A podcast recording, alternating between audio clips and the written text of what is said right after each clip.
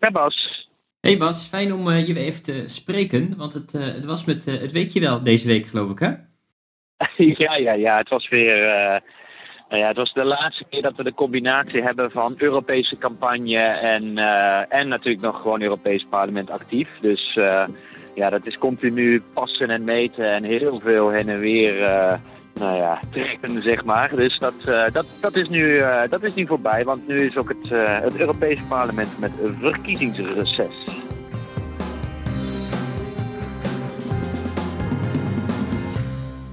Ja, het waren de laatste plenaire vergaderingen, de laatste mogelijkheden voor het parlement om nog wetgeving aan te nemen of, of af te wijzen. Ja, klopt. Um, en dat was ook waar deze week inderdaad de grote ophef over, over was over uh, de, de, de, de sociale voorstellen om uh, de mogelijkheden om de WW, als jij een WW-uitkering hebt, om die mee te nemen naar een ander Europees land. Daar zou eerst niet over gestemd worden, toen weer wel en uiteindelijk toch weer niet. Hoe zit het nou precies? Ja, volgens mij uh, was het op een gegeven moment niet echt meer heel duidelijk. Ehm, waar het over ging was dat we hebben hier al eerder over gestemd als Europees parlement uh, hebben we een standpunt ingenomen. En dat was zeg maar het beginpunt van het onderhandelingsmandaat. Uh, maar zoals altijd, er is pas een wet als dat uitonderhandeld wordt met de lidstaten. Nou, uh, dus met dat mandaat van het Europees Parlement is er onderhandeld met de lidstaten. Is men tot een akkoord gekomen, althans aan de onderhandelingstafel. Maar dat moet dan natuurlijk nog worden beklonken. En het Roemeens voorzitterschap dacht dus dat er een deal was. Maar dat bleek uiteindelijk bij de landen niet zo te zijn. Uh, en dat was dus onder andere door het verzet van Nederland. Nou, dat, uh, dat, dat, dat hebben we allemaal kunnen lezen. Uh, maar er waren dus meer landen die er een probleem van maakten. Dus uiteindelijk had het Roemeens voorzitterschap toch die meerderheid niet. En ja, leek het dus niet meer, was het duidelijk dat er geen deal meer kon komen op deze wet voor de Europese verkiezingen. Omdat er gewoon, de deal die er lag, werd niet geaccepteerd. Nou, toen was de vraag, wat gaat het Europees Parlement doen? Gaat het Europees Parlement dan nog een keer dus echt over stemmen, maar dan dus om eigenlijk dat onderhandelingsmandaat vast te leggen voor de volgende termijn, of niet? Uh, en als er dus geen stemming was, betekent het eigenlijk dat het nieuwe parlement weer helemaal opnieuw moet beginnen. Nou, wij, uh, en dat was dus, uh, dat was vorige week was eigenlijk een beetje het idee van, nou, dat moeten we gewoon wel op de agenda zetten, zodat in ieder geval het parlement haar onderhandelingsmandaat vastlegt. En dan kan dat op verder onderhandeld worden in het najaar, met een nieuw parlement en nou ja, een nieuwe voorzitter van de raad. En dan zou, dan zou het nieuwe parlement daar uiteindelijk ook gewoon weer over stemmen dan, toch? Als er een deal is, dan zegt het nieuwe parlement oké of niet. Ja. Ja, dan ga je weer onderhandelen, komt er een deal uit en dan gaan we alsnog stemmen. Nou, uh, dat was uh, dus de bedoeling om dat uh, op de agenda te krijgen. En toen was er maandag, en dat is altijd maandag van de plenaire week, is er de procedurevergadering. Dus de procedurevergadering bepaalt gewoon wat er op de agenda komt. Nou, en toen was er een poging om dat van de agenda af te halen. Wat zou betekenen dat het Europees Parlement haar onderhandelingsmandaat niet bevestigt. En dan zou het dus uh, weer helemaal opnieuw beginnen moeten zijn in, met het nieuwe parlement. Uh, dus die poging om dat weg van de agenda te halen heeft het toen net niet gehaald. En dan moet ik even, want dat was natuurlijk in het nieuws, er waren Europarlementariërs niet. Uh, dat klopt. En ja, ik was er ook niet. Ik probeerde natuurlijk altijd zoveel mogelijk te zijn.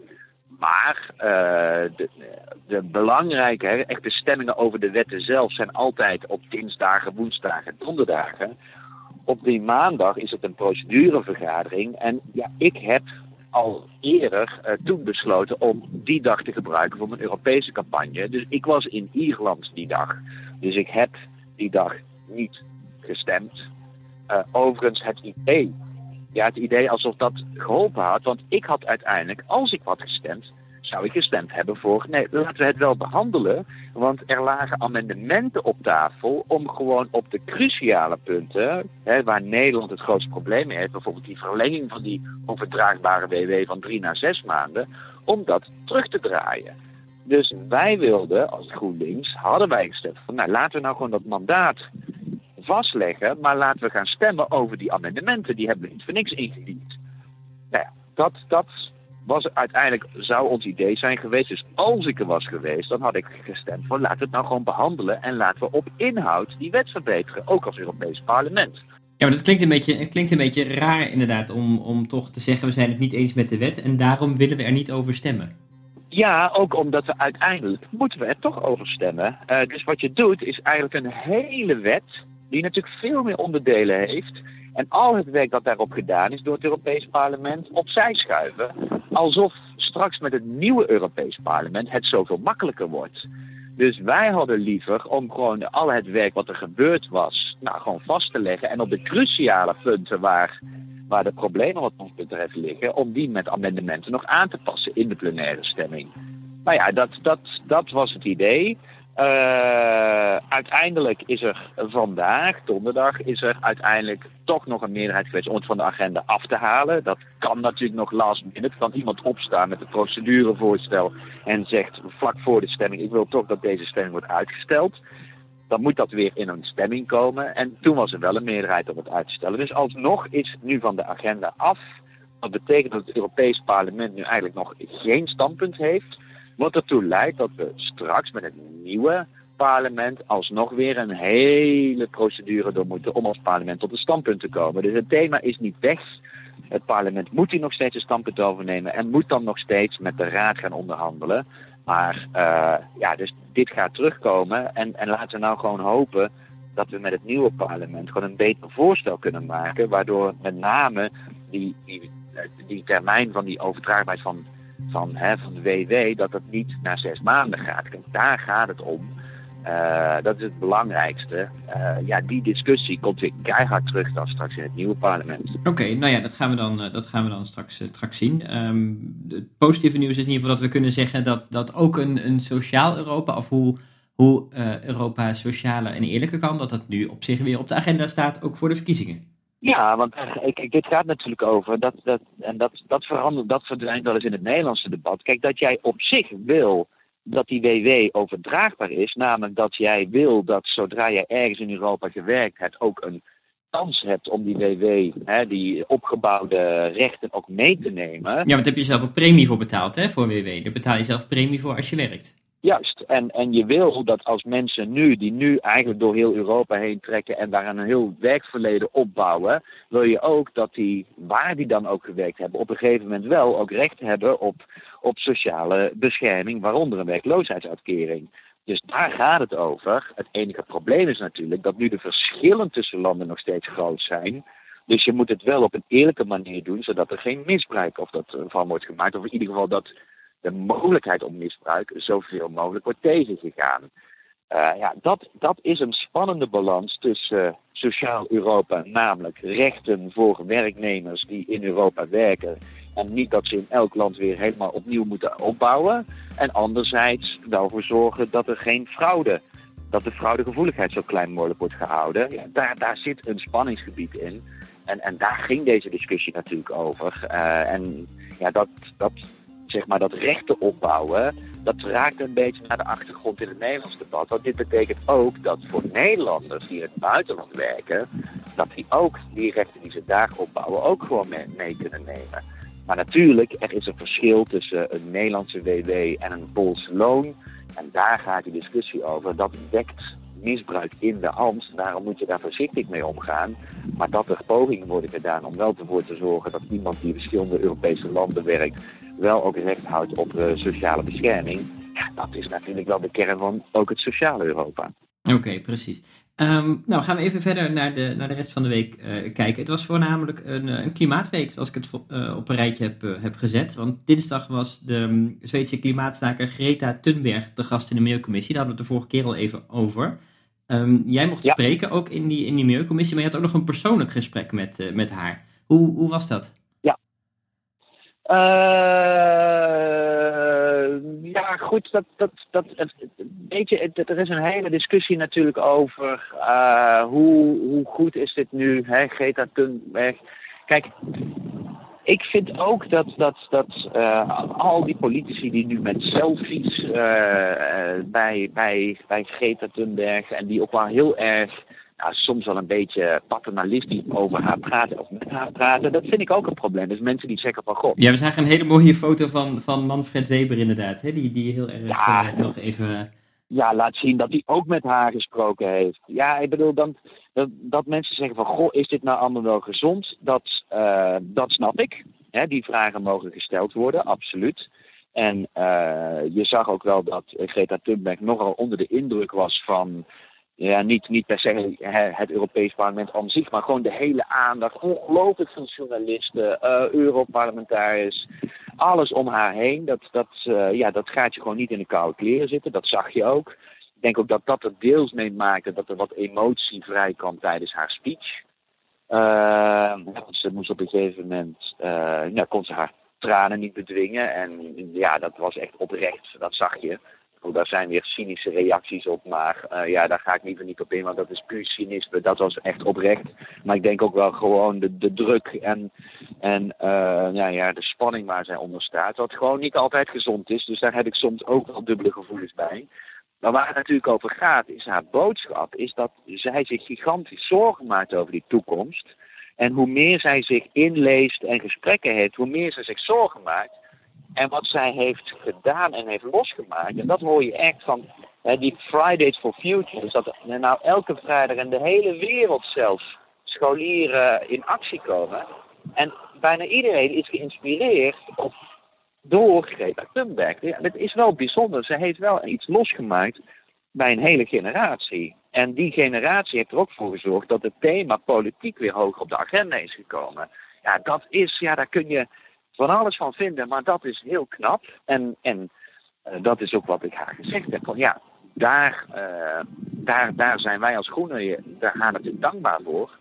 Maar, en dat heb ik ook wel in mijn speech gezegd, naar de collega's, want daar gaat het uiteindelijk om. Ja, het is prachtig dat jullie nu allemaal selfies willen doen en hier in een volle zaal, ik heb nog nooit zo'n volle milieuzaal gezien. Uh, maar het zou uh, vooral wel prettig zijn als je in je stemgedrag, en zeker ook bij een nieuwe Europese Commissie straks, dat je, dat je dan ook je stemgedrag aanpast. En dat je niet alleen maar uh, selfies en applaus doet als Greta Thunberg in de zaal zit. Ja, precies. En tegelijkertijd hebben jullie met, met de Europese Groenen die dag een, een tien, tien maatregelen om het klimaat te redden gepresenteerd. die staat ook bij ons online, dus je kunnen mensen zien. wat, zijn, wat zijn de belangrijkste punten daaruit? Ja, kijk, het is natuurlijk een selectie. Uh, maar we hebben het bewust gedaan omdat we wel eens gezegd van ja, wat, wat wil je dan precies? Uh, wat zijn nou belangrijke punten? En hebben wij wel gedacht van nou laten we gewoon eens samenvatten. Als je deze tien punten doet, dan heb je echt, uh, dan zet je wel de grote stappen. Nou, wat is belangrijk? Nou, echte hervorming van ons emissiehandelssysteem, zodat er echt een hogere CO2-prijs komt.